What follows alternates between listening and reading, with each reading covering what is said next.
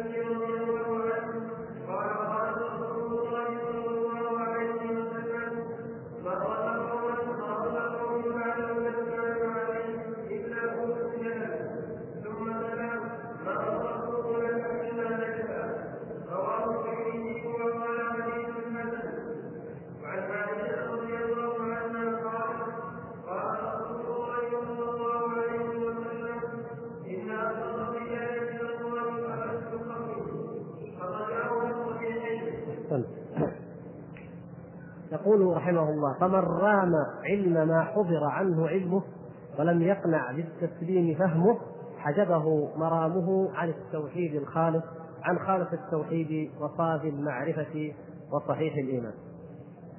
زيادة في التأكيد والتنبيه والتحديث من الخوض بغير علم ومن عدم الاقتناع والتسليم لما جاء به النبي صلى الله عليه وسلم وأن من تتبع أو رام امرا مما حضر علمه من امور الغيب من معرفة كيفيات صفات الله سبحانه وتعالى معرفة كيفية عذاب القبر ونعيمه معرفة أحوال يوم القيامة أحوال الجنة والنار وأمثال ذلك مما لا تستطيع العقول أن تدركه على حقيقته. فمن رام أن يعلم حقيقة ذلك وتكلفه ولم يقنع بالتسليم فإن هذا الفعل يصرفه عن أن يكون ذا توحيد خالص وإيمان صحيح ومعرفة ويقين كما أمر الله تبارك وتعالى. هذا زيادة في التحذير والتأكيد. ولهذا جاء الشارح رحمه الله تعالى بالآيات الدالة على النهي عن الجدل أو الجدال في آيات الله سبحانه وتعالى. وهذا هو الجدال المذموم الذي بسببه تفرقت الفرق. وكثرت الأهواء وتباينت الضلالات. الجدال في دين الله تبارك وتعالى بغير علم ولا هدى ولا كتاب منير. فالمؤمنون إذا بلغهم شيء عن الله ورسوله صلى الله عليه وسلم آمنوا وأذعنوا. أما الكفار فحالهم ما ذكر الله تبارك وتعالى. ولهذا توعدهم بما سمعتم من الآيات. الآية الأولى ولا تقف ما ليس لك به علم إن السمع والبصر والفؤاد كل أولئك كان عنه مسؤولا مسؤولية وراءها حساب قد يتلوه العقاب حساب وعقاب وجنة أو نار مسؤول عن كل ما يقوله اللسان أو يجول في الفؤاد أو تراه العين كل حياة الإنسان مسؤول عنها عن هذه الأعضاء التي ملكه الله تبارك وتعالى إياها. فلا يجوز لأحد أن يقسو ما ليس له به علم وأن يتكلف فوق ما أمره الله سبحانه وتعالى من الاقتناع والتسليم والانقياد ومن الناس من يجادل بالله بغير علم ويتبع كل شيطان مريض كتب عليه أنه من تولاه فأنه يضله ويهديه إلى عذاب السعير. هذا حال كثير من الناس كما ذكر الله تبارك وتعالى.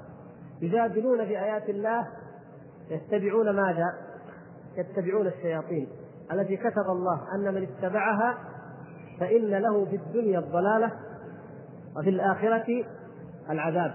هذا هو حال من يتبع الشياطين ويجادل فيما أنزل الله تبارك وتعالى وفي الآية الأخرى يقول ومن الناس من يجادل في الله بغير علم ولا هدى ولا كتاب منير ثاني عقه ليضل عن سبيل الله له في الدنيا خزي ونذيقه يوم القيامة عذاب الحريق. نعوذ بالله. فنلاحظ أن الوعيد في الدنيا خزي وضلال. وفي يوم القيامة بالعذاب بعذاب السعير أو عذاب الحريق. وهذا هو حال كل من أعرض عن دين الله. كما سيأتي إن شاء الله في أبيات عبد الله بن مبارك الإمام عبد الله بن مبارك كل من أعرض عن دين الله كل من عصى الله ورسوله صلى الله عليه وسلم وجادل في دين الله تبارك وتعالى فإنه بقدر معصيته وبقدر إعراضه يناله الذل والخزي في الدنيا ويناله العذاب يوم القيامة. وهذه سنة الله التي لا تتخلف ويقول ومن أضل ممن اتبع هواه في غير هدى من الله. وهذا يعني ومن أضل بعض النسخ ومن أضل. نسخة طبعة الشيخ الأرناؤوط ومن أضل آخر سطر خطأ. ومن أضل ومن أضل ممن اتبع هواه بغير هدى من الله. لا أحد أكثر ضلالا من هذا الذي اتبع هواه بغير هدى من الله تبارك وتعالى. إن يتبعون إلا الظن وما تهوى الأنفس. إذا نفهم من هذا أن الحق أو أن الطرق طريقان. طريق حق رسول يأتي من عند الله سبحانه وتعالى بالنور والكتاب المبين والهدى والعلم. والطريق الآخر ضلال أهواء أقوال شياطين وساوس باطلة وخطرات كاذبة. هذا هذه هي القسمة الثنائية في هذا الشأن. والحديث الذي رواه الإمام أحمد عن أبي أمامة الباهلي رضي الله تعالى عنه والترمذي قال قال رسول الله صلى الله عليه وسلم ما ضل قوم بعد هدى كانوا عليه إلا أوتوا الجدل ثم تلا ما ضربوه لك إلا جدلا. ما ضل قوم بعد هدى كانوا عليه إلا أوتوا الجدل. ما أعظم انطباق هذا الحديث على واقع الأمة الإسلامية؟ كانت في زمن النبي صلى الله عليه وسلم. والخلفاء الراشدين على الهدى المستقيم. لا جدال ولا مراءة في الدين. بل كانوا كما علمهم النبي صلى الله عليه وسلم كما مر في الحديث الماضي لما خرج وهم يتجادلون في في بعض آيات الله وغضب الغضب الشديد ونهاهم عن ذلك. تذكرون الحديث. كانوا أخذوا هذا الحكم وتقرت لديهم هذه القاعدة. أن لا يجادلوا ولا يماروا في أمر جاء به النبي صلى الله عليه وسلم بل يستسلمون ويذعنون ويوقنون فلما انحرفت الأمة الإسلامية لما وقعت الفتن فيما بينهم ولما ظهر أهل النفاق وأهل الزيغ من أهل البلاد المفتوحة من المنافقين ومن الأعراب وأمثالهم من الكائدين لهذا الدين الذين دخلوا فيه زورا وكذبا فبثوا هذه السموم في هذه الأمة ومالت الأمة إلى الترف وإلى الحياة الدنيا فتحت عليها الأموال وسبوا الجواري ومن أطراف الأرض وامتلأت خزائنهم بما أنعم الله تبارك وتعالى عليهم به. فحينئذ نتيجة هذا الفراق ظهرت الفرق وازدادت فظهر الجدال أصبحوا يتجادلون وفي أي شيء يتجادلون؟ لو سئل أي إنسان لديه معرفة بالفرق التي ظهرت في هذا الدين أعظم شيء كان فيه الجدال هو ماذا؟ صفات الله سبحانه وتعالى انظروا يا إخوان سبحان الله تتجادل أمة التوحيد وأمة الإيمان أمة الإسلام الإسلام الذي معناه الاستسلام تتجادل في ماذا؟ في صفات الله عز وجل في الأمر الغيبي الذي لا يمكن العقول أن تبلغه ولا أن تدركه. فهم لما ضلوا عن الهدى وقع فيهم وقعوا في هذا الشيء. كما قال النبي صلى الله عليه وسلم ما ضل قوم بعد هدى كانوا عليه إلا أوتوا الجدل. يستعيضون عن الإيمان واليقين الذي محله القلب بالاقتناع. الاقتناع الذي هو؟ من أعمال الذهن، الاقتناع العقلي. ولا يمكن بأي حال من الأحوال أن يقوم الاقتناع الذهني العقلي مقام اليقين القلبي ابدا. وهذا مما يجب أن ننتبه له أيها الإخوة وكلكم دعاه إن شاء الله تعالى. لابد أن نعرف ذلك. عندما ندعو الناس ندعوهم إلى اليقين وإلى الإيمان. لا ندعوهم إلى الاقتناع والتسليم العقلي. لا ندعوهم إلى نظريات مجردة عقلية بل ندعوهم إلى يقين في القلب يستتبع الانقياد والإذعان العملي. الاقتناع النظري يحصل لكثير من الناس وممكن أنت ان تبذره في عقل أي إنسان لكن ذلك لا يترتب عليه إيمان ولا انقياد ولا إذعان لله تبارك وتعالى. إذا أردنا أن نقنع الناس بأن الإسلام لا يتعارض مع العلم ولا يتعارض مع الحضارة ممكن نقنع كثير من الناس. نعقد مؤتمر ونقرأ عليهم أحكام الإسلام تجدون أنها تطابق وتوافق الحضارة مثلا. ممكن هذا. ولا يناقش فيه أحد. وإن ناقش أقنعناه وجادلناه وسكت. لكن ما يؤدي هذا ابدا الثمرة التي يريد مثل لو جئنا إلى إنسان وأقنعناه بماذا؟ أو بضرورة أن يؤمن بالله سبحانه وتعالى وأن يعبد الله تبارك وتعالى وأنه لا خلاص له ولا نجاة له من عذاب الله ولا سعادة له في الدنيا إلا بأن يؤمن بما جاء به النبي صلى الله عليه وسلم. وجئناه من باب اليقين القلبي لا من باب الاقتناع العقلي هي المسألة فيها دقة وهذا هذا من لوازم هذا ولكن فرق بين الهدف في كل من الأمرين. من أن نقنع الناس ولهذا إذا آمن مستشرق قلنا هذا فلان أسلم. فلان شهد أن النبي صلى الله عليه وسلم على الحق وشهد أن القرآن معجز في بعض الأمور. طيب ما في هذا جديد؟ ما ليس في هذا زياده يقين لنا ولله الحمد وليس فيه خير لهذا الذي قاله ولا نفعله. ولكن الذي نريده هو أن هذا الإنسان يؤمن بالله سبحانه وتعالى ويدخل في دين الإسلام. فطريق الدعوة اذا ليس هو مجرد الاقتناع الذهني أو هدف الدعوة ليس الاقتناع الذهني وإنما هو اليقين القلبي اليقين القلبي. فهؤلاء المتكلمون حولوا الأمر إلى قضايا نظرية. قالوا لابد أن نقنع الفلاسفة لأن عذاب القبر حق. فتجادلوا وتجادلوا فظهرت طائفه قالوا ننكر عذاب القبر. فما قدرنا نثبته. والفلاسفة يلزموننا. فنأول النصوص. جو قالوا نأول الصفات. لأنه في ناس فلاسفة ما نقدر نقنعهم بأن هذه الصفات حقيقية. وهكذا جاءوا في كثير من الأحكام فحرفوها لتوافق عقول المجادلين من الفلاسفة وأمثالهم. بينما هم يريدون الدفاع عن الدين وإثبات حقائق الدين.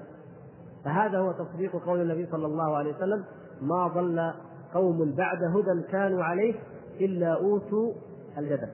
ثم تلا ما ضربوه لك إلا جدلا. ما ضربوه لك إلا جدلا. من هو الذي ضربوه جدلا؟ آية كذا بس ما ضربوه لك إلا جدلا. من هو؟ نعم. عيسى عليه السلام. إيش الآية يا محمد. ولما ولما ضرب ابن مريم مثلا إذا قومك منه يصدون. وقالوا آلهتنا خير أم هو؟ ما ضربوه لك إلا جدلا بل هم قوم خصمون. يعني الخوارج لما ذهب ابن عباس رضي الله تعالى عنه ذهب يجادلهم يناظرهم يقيم عليهم الحجة قالوا لا تسمعوا لكلام ابن عباس فإنه من قريش وإن الله عز وجل يقول بل هم قوم خصمون. هذه حقيقة يعني لا يمنع ذلك. أن قريش أوتوا الجدل ولهذا جادلوا النبي صلى الله عليه وسلم جدالا طويلا.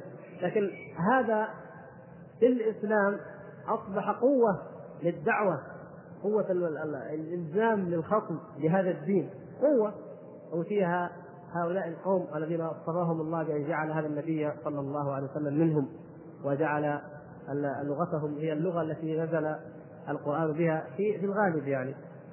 المقصود ان ما ضربوه لك إلا جدلا. أن المشركون كفار قريش يعلمون أنه لا مقارنة ولا وجه للنسبة بين عيسى عليه السلام وبين آلهتهم ولكن يجادلون النبي صلى الله عليه وسلم. إنكم وما تعبدون من دون الله يقول الله تبارك وتعالى إنكم وما تعبدون من دون الله حصب جهنم أنتم لها واردون. قالوا نحن وآلهتنا نض ما يمكن أن يقوله مسلم. وإن قالوا أن عيسى ما يدخل النار إذا آلهتنا أيضا ما تدخل النار. هذا جدل. ما ضربوه لك إلا جدلا بل هم قوم خصمون. فهذا من الجدل. لكن هل هل هذا جدل جدل بالحق؟ لا معروف. فعيسى عليه السلام لم يعبد وهو راض بالعبادة. لم يعبد وهو راض بالعبادة عليه السلام. بل دعاهم إلى عبادة الله وحده لا شريك له حتى مات. ويوم القيامة إذا أتى به الله تبارك وتعالى يسأله وإذ قال الله يا عيسى ابن مريم أأنت قلت للناس اتخذوني وأمي إلهين من دون الله؟ قال سبحانك سبحانك ما يكون لي أن أقول ما ليس لي بحق. إن كنت قلته فقد علمته. تعلم ما في نفسي ولا أعلم ما في نفسك. إنك أنت علام الغيوب. ما قلت لهم إلا ما أمرتني به. أن اعبدوا الله ربي وربكم. وكنت عليهم شهيدا ما دمت فيهم يعني وهو حي عليه السلام. فلما توفيتني كنت أنت الرقيب عليهم إلى آخر الآية. فعيسى عليه السلام يتبرأ من شركهم ومن عبادتهم سواء في في حياته لأنه دعاهم إلى عبادة الله وحده وفي يوم القيامة يوم يبعثه الله يبعثهم أما معبودات المشركين وكل من عبد من دون الله وهو راض بالعبادة فإنه يحشر معهم. كما هو حال فرعون ومن معه الذين يجعلهم الله تبارك وتعالى أئمة يدعون إلى النار. نعوذ بالله. يقدم قومه يوم القيامة فأوردهم النار.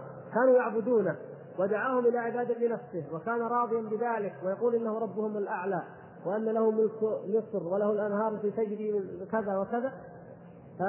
فيوم القيامة يقدم قومه فيوردهم النار وبئس الورد المورود. عافانا الله وإياكم من ذلك. فهذا المقصود المراد بهذه الآية ما ضربوه لك إلا جدلا هو عيسى عليه السلام. وحديث عائشة رضي الله تعالى عنها قال قال رسول الله صلى الله عليه وسلم إن أبغض الرجال إلى الله الألد الخصم. الناس نوعان. نوع كريم متسامح خلوق وهذا ينطبق عليه حال الرجل الذي يأتي يوم القيامة بين يدي الله سبحانه وتعالى وكان تاجرا وكان يتعامل مع الناس فكان كلما بقي بينه وبين أحد من الناس أمر كما نقول الحساب الحساب يبدا عنده شوية يزيد عنده شوية تجاوز عنه. يعفو. إنسان كريم يتجاوز يغفر يتسامح ويرضى بالأمر الذي قاله النبي صلى الله عليه وسلم يعني إيش وهو؟ أنه سمحا اذا اشترى وسمحا إذا باع. الله سبحانه وتعالى يقول له قد تجاوزت عنك بما كنت تتجاوز عن الناس. أو كما قال صلى الله عليه وسلم. انظروا يعني نتيجة آه، الإنسان أو الجزاء من جنس العمل. هذا انسان كريم متسامح يتجاوز. فتجاوز الله تبارك وتعالى عنه بهذا الكرم. بهذا الكرم ولهذا التجاوز عن عباد الله تبارك وتعالى. وهذا نوع من الناس رفيق رقيق هين لين مع قوة في الحق. لا يعني ذلك الضعف والخور والجبن عن الموقف الحق لا. لكنه الرقة والرفق والحكمة مع قول الحق كاملا. جزاك الله أما النوع الآخر فهو الألد الخصم إنسان لجوج معاند شرس سكت تحتاج حتى تقنع بأي كلمة أنك تبذل الجهد الجهيد في أمر بسيط. ما يحتمل مشكلة ولا هوشه ولا صياح ولكنك تخاف إنك تقول له كلمة لما تتوقع من انه سوف يأخذ بالحجج ويماطل ويجادل ويتهمك ويذكرك بأخطاء سابقة ويقول ويقول. فلا لا تتجاسر ولا تحب انك تعرض عليه أي قضية ولا أي موضوع.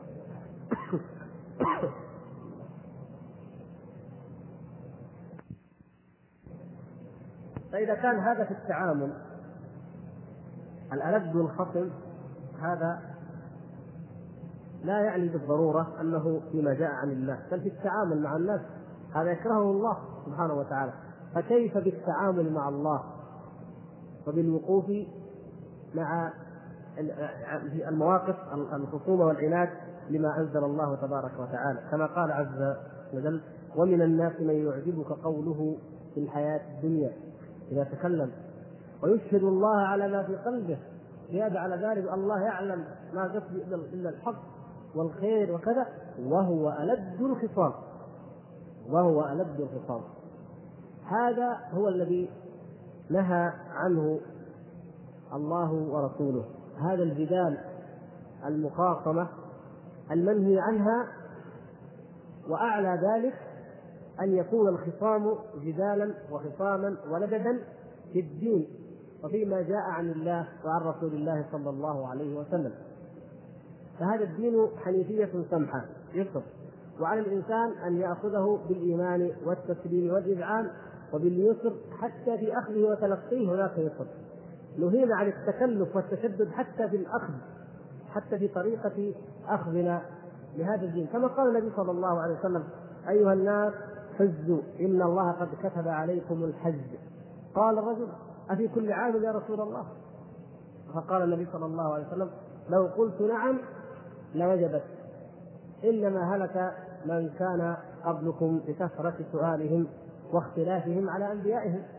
فينبغي للمؤمن أن يكون هينا لينا في أخذه وفي عطائه. ولا سيما في تعامله مع نصوص الوحي وهو الشاهد هنا فلا يقابلها بالجدل ولا بالمراء ولا يعرف يحاول أن يعرض كل شيء على عقله أو هواه أو ظنه. تفضل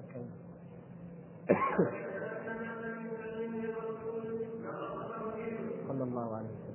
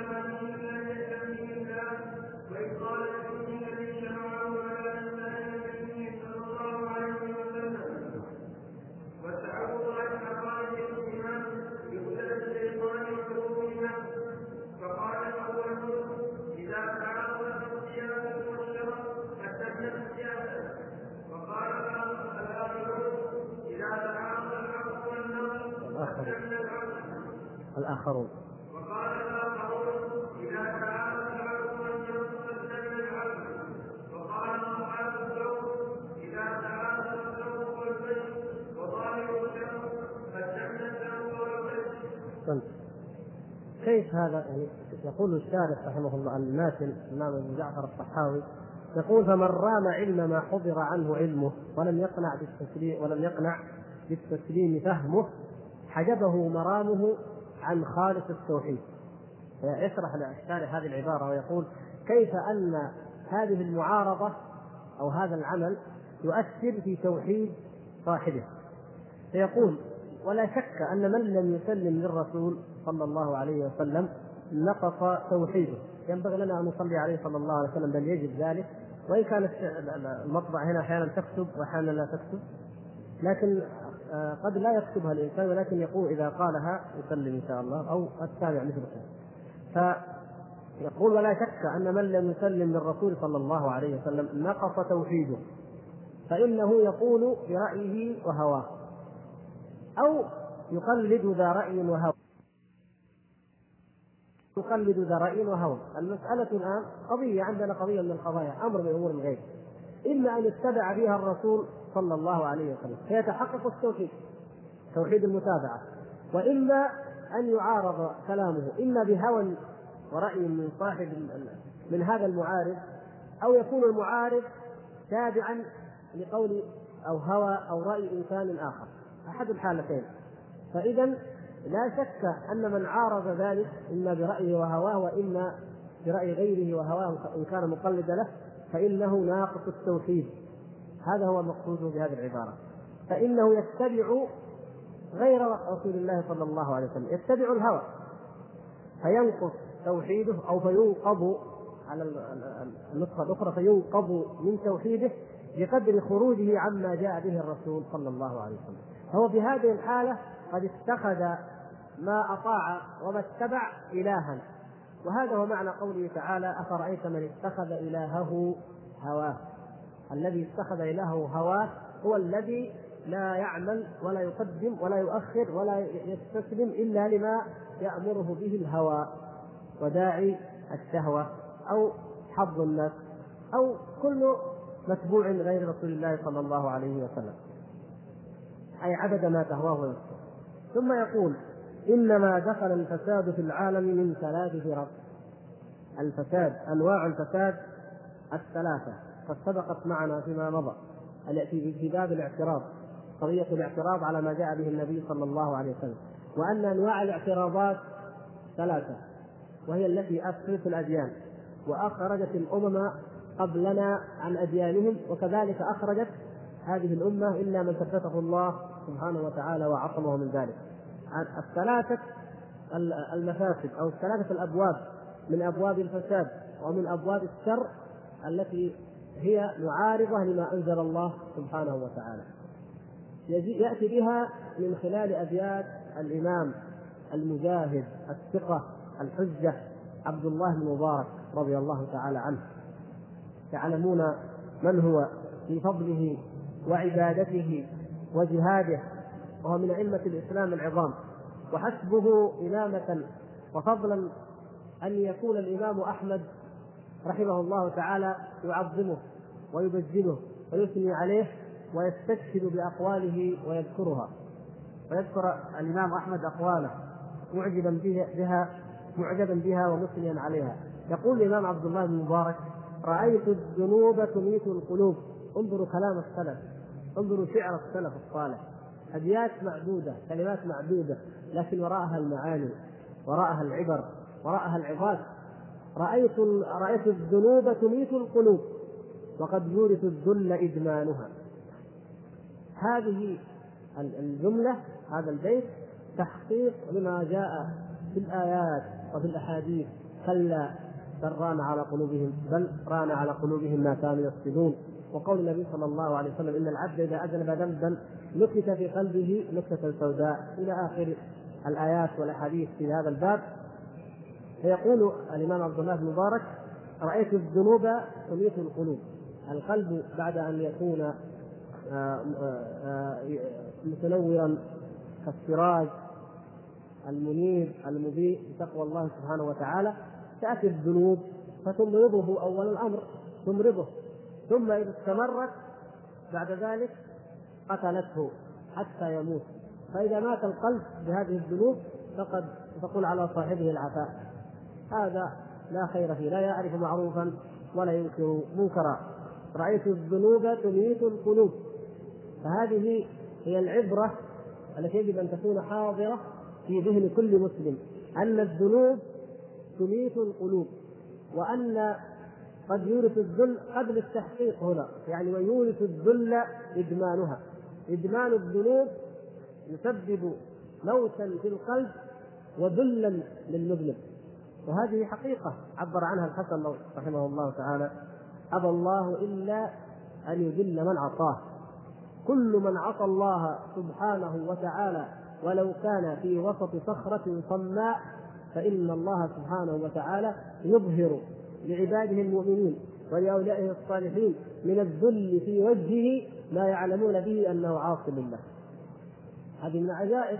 وكل من أطاع الله واتقى الله سبحانه وتعالى ولو كان أيضا في صخرة صماء لا أحد يراه ولا يعلمه يظهر الله سبحانه وتعالى لأوليائه ولعباده الصالحين في وجهه وفي حياته من العزة والهيبة والوقار ما يشعر به كل من من رآه وعرفه من هؤلاء الصالحين.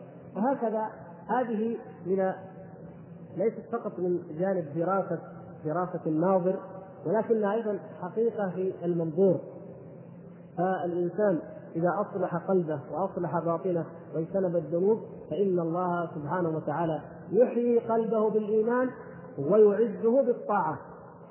وأما إذا أدمن المعاصي والعياذ بالله أدمنها واستسهلها حتى أصبح حاله كحال المنافق الذي أخبر عنه النبي صلى الله عليه وسلم أنه يرى الذنب كالذباب يقع عليه ثم يذهب. فهذا يموت قلبه يتبلد إحساسه لا يعرف معروفا ولا ينكر منكرا ثم يضرب عليه الذل فردا كان أو جماعة كما قال النبي صلى الله عليه وسلم إذا تبايعتم بالعينة وأخذتم بأذناب البقر وتركتم الجهاد سلط الله عليكم وألبس ملابس الغرب. وبعد أن هداني الله سبحانه وتعالى أخذت كل ذلك ثم صححت المسار والآن ماذا أعمل بهذه الآلة الموسيقية التي ما زلت أقتنيها؟ مع العلم أن هناك رجل نصراني أراد شراءها بعد أن علم انني قد عزمت على كسرها. فهل يحق لي بيعها؟ وماذا عن الملابس الغربية؟ جزاكم الله خيرا. انظروا يا إخوان اذا من الله سبحانه وتعالى على الإنسان بالتوبة وأحيا قلبه بالإيمان وعرف الحق. نسأل الله سبحانه وتعالى أن يثبت هذا الأخ على الهدى وأن يبصره في الدين وأن يكثر في الشباب من التائبين العائدين إلى الله سبحانه وتعالى. هذا الذي يعده الشباب البعيد عن الله يعدونه فنا الفن الفنون والعود والعزف والأغاني والفنانين والفنانات وينفقون الأموال في سماعها أو حضورها أو شرائها أو ما أشبه ذلك. هذا الأخ انظروا كيف يريد أن يتخلص من هذا العود. الإنسان إذا أنار الله عز وجل بصيرته فإنه يرى الأمور على حقيقتها. يرى الظلام ظلام ويرى النور نور. لكن الآخر يظن في أرقى حياة وهو يتخبط في الظلام. عافانا الله وإياكم. فهذا الأخ يسأل عن العود وعن الملابس الغربية. أما العود فإن الحكم فيه أن يكسر لا تنتفع بثمنه. كل شيء حرام فثمنه حرام. يقول النبي صلى الله عليه وسلم كما أخبرنا في الحديث عن اليهود إن الله لما حرم أو قاتل الله اليهود أو لعن الله اليهود إن الله لما حرم عليهم الميتة حرم الله الميتة على اليهود. أكل الجير الميتة. جملوها يعني جابوا الشحم حقها وصهروه وادابوه فباعوها فأكلوا ثمنها نعوذ بالله. احتالوا. احتالوا على هذا. فنستفيد من هذا وهو القول الصحيح والمناسب لاحتياط المرء لدينه أن كل ما حرم الله عز وجل فإن بيعه حرام. ولو على كافر حتى لو كان نصراني الذي يشتريه قل لهذا الكافر يا مسكين أنا هداني الله عز وجل. قل له ولغيره أنا اهتديت أنا أريد أن أتخلص من هذه. أنا لو لو أعطى فيها أثمان الدنيا كلها ما أريده لأنني أحمد الله على أنني اهتديت. وينبغي أن تهتدي أنت أيضا وأن تتوب وأن أعظم توبة أن تؤمن بالله عز وجل. فبالنسبة للعود يعجبه إعداما تاما. وأما الملابس ففي ذلك تفصيل. إن كانت ملابس مما يلبسها عامة الناس يعني ليست آه، فيها تشبه في طائفة من طوائف الكفار مثلا الخنافس الهيبز هذه الأسماء الغريبة يعني مجرد أنها بدلة يلبسها أي إنسان قد يكون مسلما أو كافرا ولكنها تسمى بدلة غربية فلا لا حرج فيها. يبقيها ما يريد أن يلبسها هو يمكن أن يعطيها من يلبسها من المسلمين. هذه ما هي حرام. يعني يجب أن نعلم ليس حراما مجرد أن الإنسان يلبس اللباس الغربي هذا العادي يعني ستره وبنطلون مجرد لبس هذا الشيء ليس هو حرام في ذاته وإنما يحرم نعم. أيوه ما يكل فلان وهذه كلها حرام لأن فيها تشبه. لكن اللباس العادي الذي لا تشبه فيه الذي يلبسه المسلمون والكفار وليس له شعار معين ليس شعار للكفر ولا سمه تدل على أن هذا الإنسان كافر أو متشبه بالكفار. من اللباس العادي. هذا يهديه يكون عندك مسلم فلبيني مثلا. المسلمون الفلبينيون مثلا يلبسون سماغ وثوب ما يلبس إلا بنطلون. المسلمون والكفار ممكن تهدي هذا له أو إلى أي إنسان مسلم تتصدق به عليه إن شاء الله. إما إذا كان على الحالة التي حالة الفنانين مثلا ما دام كان يجوز العود أو هؤلاء الناس فاذا هذا يعدمه. أيضا فيه سؤال آخر ونسأل الله عز وجل أن يكثر من التائبين ويجعلنا وإياكم من التائبين المقبولين. يقول في جاهليتي سافرت إلى الخارج مع أحد أصدقاء السوء. ثم إن هذا الذي أسميه صديق أصر على أن أسافر معه رغم أنني لا أملك المبلغ الكافي للسفر. ما عنده نفقات.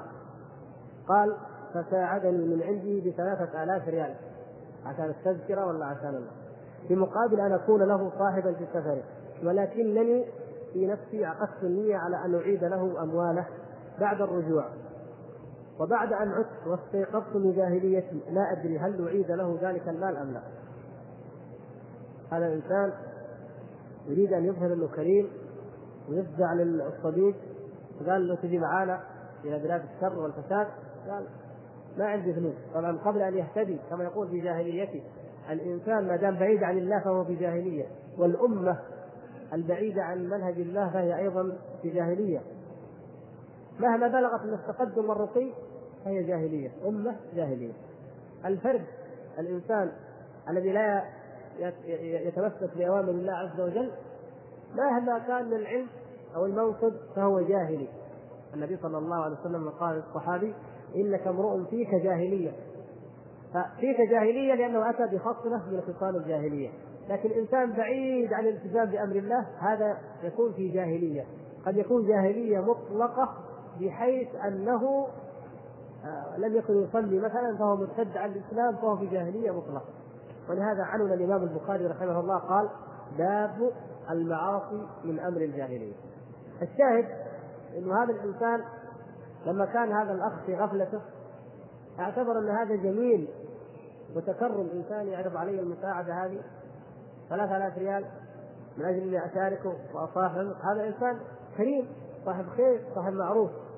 فذهب معه إلى هذا الفساد والشر وبيت النية أنه إذا رجع يرجع له المبلغ. إذا نفهم من هذا أن الأخ هذا أخونا التائب العائد إلى الله عز وجل لم يقترض منه المبلغ. ما قال يبين لي ثلاثة آلاف. الآخر تطوع وتكرم عليه بهذا المبلغ ونوى في نفسه أنه يعطيه. هداه الله عز وجل وعرف أن السفرة كلها حرام وما أنفق فيها حرام. إلى أي بلد من بلاد الفساد كانت؟ فماذا يفعل؟ ما دام إن الأمر نية فالحمد لله. هذه نعمة. لا تعطه لا تعطيه شيئا ولكن مقابلة هذا الكرم الظاهر منه الظاهري الذي كأنه كرم مقابلته ومكافأته منك أن تنصحه بأن يرجع عن طريق الشر. وحتى لو ذكرت بهذا المبلغ تقول أنت يا أخي إنسان كريم أنت حتى إنك أعطيتني هذا الشيء قصدك إن شاء الله أنك تظن تتجمل فيه. وأنا لابد أن أقابل كرمك بكرم مثله واكرم شيء أقابلك به وأقابل أي إنسان به أن أهديه للطريق المستقيم بإذن الله. فارجو انك تتوب وينصحه ويحرص أن يهدي له هدية مع ومعها كتاب أو شريط أو أي شيء مفيد لأن هذا الإنسان إذا هداه الله إن شاء الله يكون في خير. ما دام ثلاثة آلاف من الشر إن شاء الله إذا اهتدى يدفع في سبيل الله ثلاثة آلاف أو أكثر وينفق في, في, في سبيل الله وعلى الفقراء والمحتاجين مثل ذلك أو أكبر فهذه هي التي الهدية التي ينبغي أن تهدى لمثله. ولكن لا تعيد له المبلغ لأنه حرام حرام عليك أن تعيده لأن العمل كان معصية وكان حراما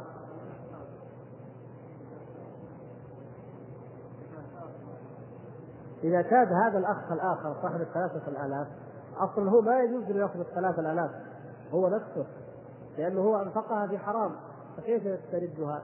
كيف يقول أنا أعطيتك ثلاثة آلاف أعوذ بالله ليزني بها أو لتشرب الخمر أعطني حقي هذا ما تاب لو كان لكن إذا تاب فعلا فإنه لن يطالب بهذا المبلغ. بل إنه يستغفر الله. إنسان أنفق الأموال في الفساد هذه مصيبة. ما هو في واحد كان فاسد ولكن ما أنفق أموال في الفساد. هذا ضرره أكبر.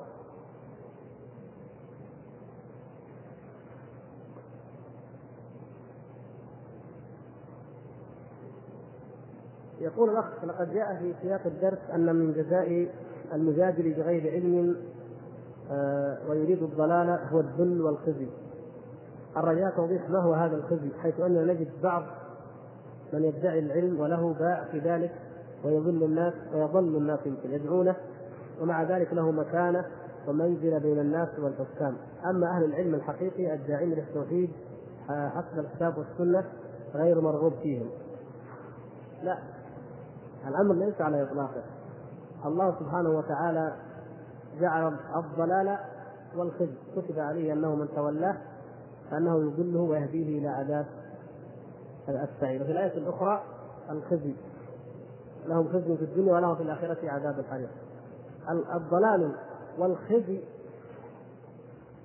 اولا هو متحقق لأن الله أخبر به ولا بد أن يتحقق ذلك.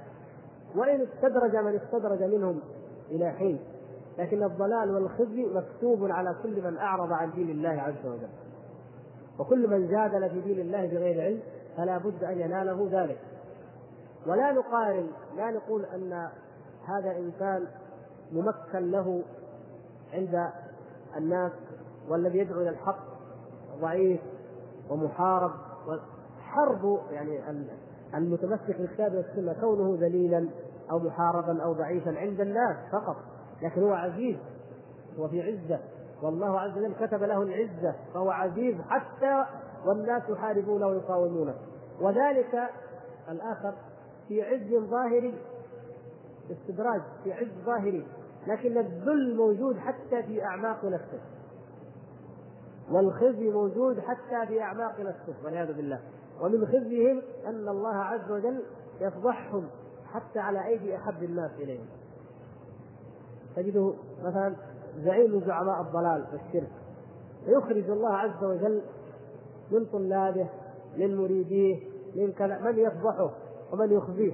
يخرج من أهل الحق من يبين خباياه وفساده. فيكون ذلك خزي وعار عند الناس مع الضلال.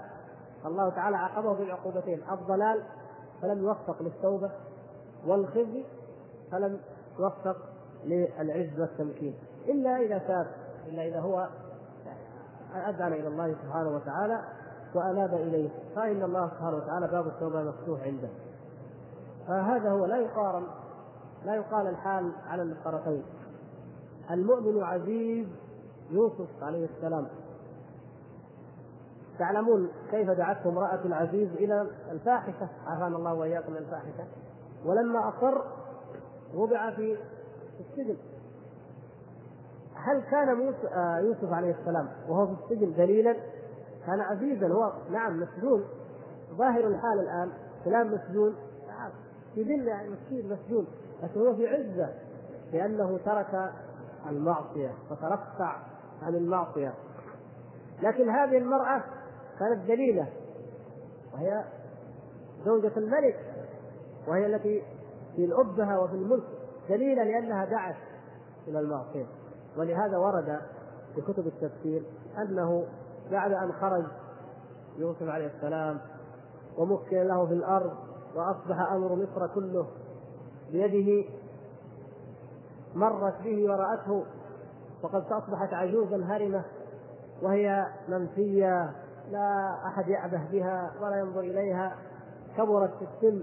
وذهب الملك ذهب الجمال ذهب الشباب فقالت الحمد لله الذي جعل العبيد ملوكا بطاعته وجعل الملوك عبيدا بمعصيته.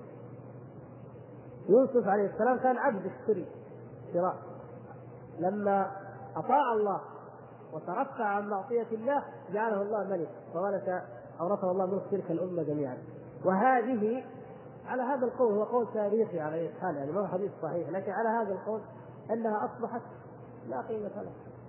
مع أنها تابت شاء الله لكن التوبة كما مر معنا في قصة آدم عليه السلام التوبة من الذنب قد لا تعني إلغاء كل المصائب المترتبة على الذنب يعني يغفر الذنب يمحى ترفع الدرجة لكن المصائب التي تتحقق وتترتب على الذنب قد تبقى قد تبقى. آدم عليه السلام عصى الله عز وجل. كانت المصيبة. أنزل إلى الأرض وكابد الشقاء والعناء في التراب. نعم هو غفر الله له ذلك وهو في السماء لا شك. ورفع عنه هذه المعصية. لكن بقيت المصيبة. إنسان كان يعصي الله عز وجل فأصابه الله بمصائب في نفسه في أهله في ماله. ثم تاب. تبقى المصائب وتبقى آثار المصائب عافانا الله وإياه. وهذا مما يدفع الإنسان إلى وجوب المبادرة بالتوبة. قبل أن تحل العقوبة قبل أن تنزل المصيبة بادر وتب واستغفر الله. فإنك مهما استغفرت الله عز وجل فإن الله يغفر لك الذنب. في حينه وفي وقته ومن فوره يغفره الله عز وجل وتسلم من العقوبة نسأل الله يعافينا وإياكم من العقوبات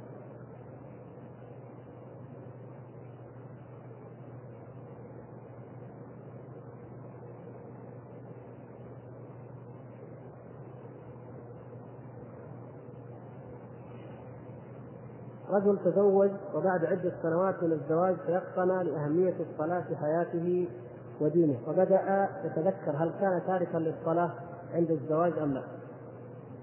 وهو متيقن أن أول أربعة أيام من الزواج أو ثلاثة أيام كان تاركا للصلاة ولم يقضها. وأما باقي الأيام فلا كان يصلي كما حكم العقد؟ وما حكم الأبناء؟ وماذا عليه أن يعمل والصحيح في مثل هذه الحالة أن العقد ما يزال وهو صحيح إن شاء الله لأن هذا الإنسان لما ترك الصلاة خرج من الدين. ولما أن عاد إليها عاد إلى الدين. فحكمه في هذه الحالة حكم المنافقين الذين كانوا في عهد النبي صلى الله عليه وسلم يخرج أحدهم من الدين ويرجع إليه. فلم تترتب الأحكام والعقود عليهم لأن هذه أمور بين العبد وبين ربه وفي فترة الغفلة والجهل والنسيان مع قول بعض العلماء وتأويلهم وهو خطأ لكنهم يقولون إنه لا يخرج من الملة. هذه الأمور إذا اقترنت مع بعض تجعل أن العقد إن شاء الله صحيح وعليه أن يتوب وأن يحافظ على الصلوات الخمس. ويجدد يعني يعني فيما بقي من عمره يحافظ عليها وعلى غيرها من الفرائض. والإنسان إذا كان تاركا للصلاة هذا تنبيه يجب أن نقوله من كان تاركا للصلاة ثم هداه الله إلى الصلاة لا يجب عليه القضاء. لا تسمعوا إلى قول من يتكلم ويقول على الله تعالى بغير علم. إنسان ترك الصلاة عشرين سنة عشرين سنة ما صلى. بعض الناس يتوب وهو في الخمسين في الأربعين. نقول له اقض صلاة ثلاثين سنة. هذا كأنك تقول لا تتوب وليس على ذلك دليل لا من الكتاب ولا من السنة. ترك الصلاة كفر وتوبة الكافر أن يسلم. لا لا يجب على الإنسان الكافر أن يقضي أي شيء لأنه كان كافر كان مرتد وإنما عليه أن يسلم. هذا هو القول الصحيح. ولذلك من ترك الصلاة فقد كان كافرا فعليه أن يسلم ويحافظ ويتمسك بما بقي. أما لو قلنا صل عشرين سنة مضت مهما كان توبته وإيمانه فإن نضع أمامه عقبة كبيرة جدا بدون دليل. وهذا الكلام نص عليه شيخ الإسلام ابن تيمية قال ما ثبت عن النبي صلى الله عليه وسلم أنه أمر أحدا من هؤلاء الناس أن يقضي الصلاة. المعذور كان معذور ما يدري مرض فترة. أيوه صح. هو مرض وقصده يصلي بعدين ترك الصلاة فترة كذا وغفل وتكاسل. بعدين بينوا للناس الحكم. هذا يجب أن يقضي. لاحظتم الفرق؟ لكن الإنسان ما كان يصلي هو ما كان في ذهنه الإيمان ولا, ولا أداء هذه الفريضة. هذا كان كافر غير الجاهل المعذور هذا كان كافر والكافر لا قضاء عليه انما يجب عليه أن يؤمن وأن يأتي بالفرائض ويلتزم بأدائها من جديد يبدأ حياة إيمانية. هذا هو القول الصحيح.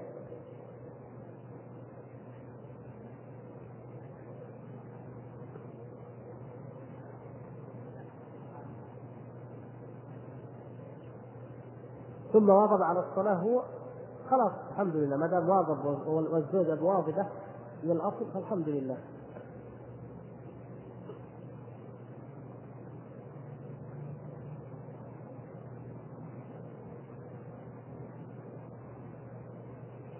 في أخ نبدا على قضية تقول هذا للتنبيه وأخذ الاحتياط من قبلكم.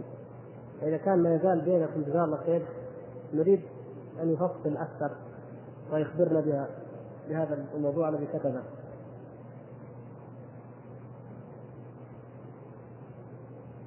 إنسان يقول عليه قضاء من أيام رمضان يومين. هل يجوز له أن يصوم غدا وبعد غد؟ الإنسان يحرص يا إخوان على أداء الفرائض واغتنام العمر لأنه لا يضمن حياته. ومن ذلك قضاء رمضان. فهذا الذي بقي عليه يومين نعم يجوز له أن يصوم بنية القضاء ولكن كان ينبغي له أن يتدارك نفسه ويصوم فيما مضى.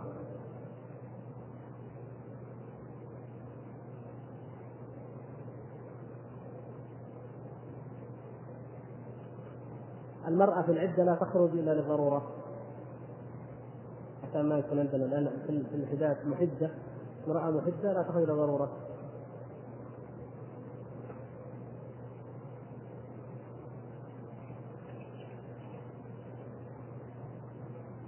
الأخ يقول أنا إنسان لم أوفق آه، أو لم أتوفق في مواصلة سير حياتي من حيث العمل أو الدراسة حيث أصبح على تخرجي من الثانوية العامة ما يبلغ الأربع سنين ولكن آه، قدر الله علي أو كذا آه، على كل حال وعلى هدايته لي من الله علي بالهداية المهم باداء الصلوات مع الجماعة وحب طلب العلم وحضور الندوات والدروس العامة وهذا من باب التحدث بالنعمة إن شاء الله. ولكني يعاني من الفراغ. فهل هذا يكون من ذل المعصية التي أرجو الله أن يعفو عني وعن كل إنسان سلم وأن يتوب علينا أو كل إنسان مسلم وأن يتوب علينا جميعا؟ نسال الله أن يتوب علينا جميعا. نعم. كون الإنسان ما وجد عمل قد لا يكون هذا إن شاء الله من باب ذل المعصية. ما دام قد هدى اهتدى وتاب وأناب قد يكون من من أسباب كما قلنا من من المصائب التي يعني نتجت عن زمن المعصية. لكن قد يكون أيضا والذي أرجحه مثل حالة هذا الأخ أنه من باب الابتلاء والامتحان أنه ما وجد عمل. ولكن عليه أن يحرص وأن يجد ويجتهد. فقد يجد اعمالا. يمكن ما يجد بالشكل المطلوب نعم لكن قد يجد. المهم انه ما لم يكون ضائعا إلى عمل. وبعدين ما دام قد هداه الله عز وجل ما يقول في فراغ المؤمن ما يعرف الفراغ. ما دام قد اهتدى الحمد لله فليحرص على طلب العلم وقراءته وسماعه فكل إنسان منكم ما شاء الله الذي يعرف هذا الشيء يجد أنه يتمنى أن عنده ساعة فراغ في اليوم يقرأ فيها أو يحضر فيها محاضرة أو ندوة أو شيء مفيد. فإن شاء الله الشاب المسلم لا يعاني من الفراغ ابدا. هل للشرك الأصغر الرياء كفارة أم أن العمل الذي دخله الرياء يكون هباء منثورا وليس له جزاء ولا لبعضه؟ نرجو التفصيل وما هو العلاج؟ إنسان عمل أعمال فيما مضى فيها رياء. هل له كفارة؟ كفارته التوبة. وإذا سأل فنرجو الله عز وجل أنه يبدل سيئاته حسنات. إن شاء الله بإذن الله يبدل الله سيئاته حسنات ومنها هذا الرياء. الله تعالى خير.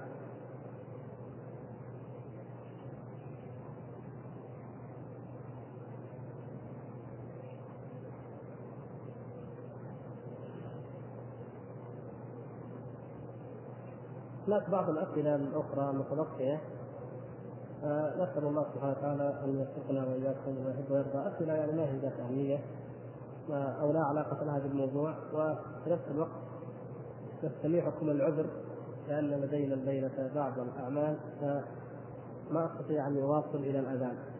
وإن شاء الله ما بقي شيء مهم وخاصة فيما يتعلق بالدرس. ونسأل الله سبحانه وتعالى أن يوفقنا وإياكم لما يحب ويرضى.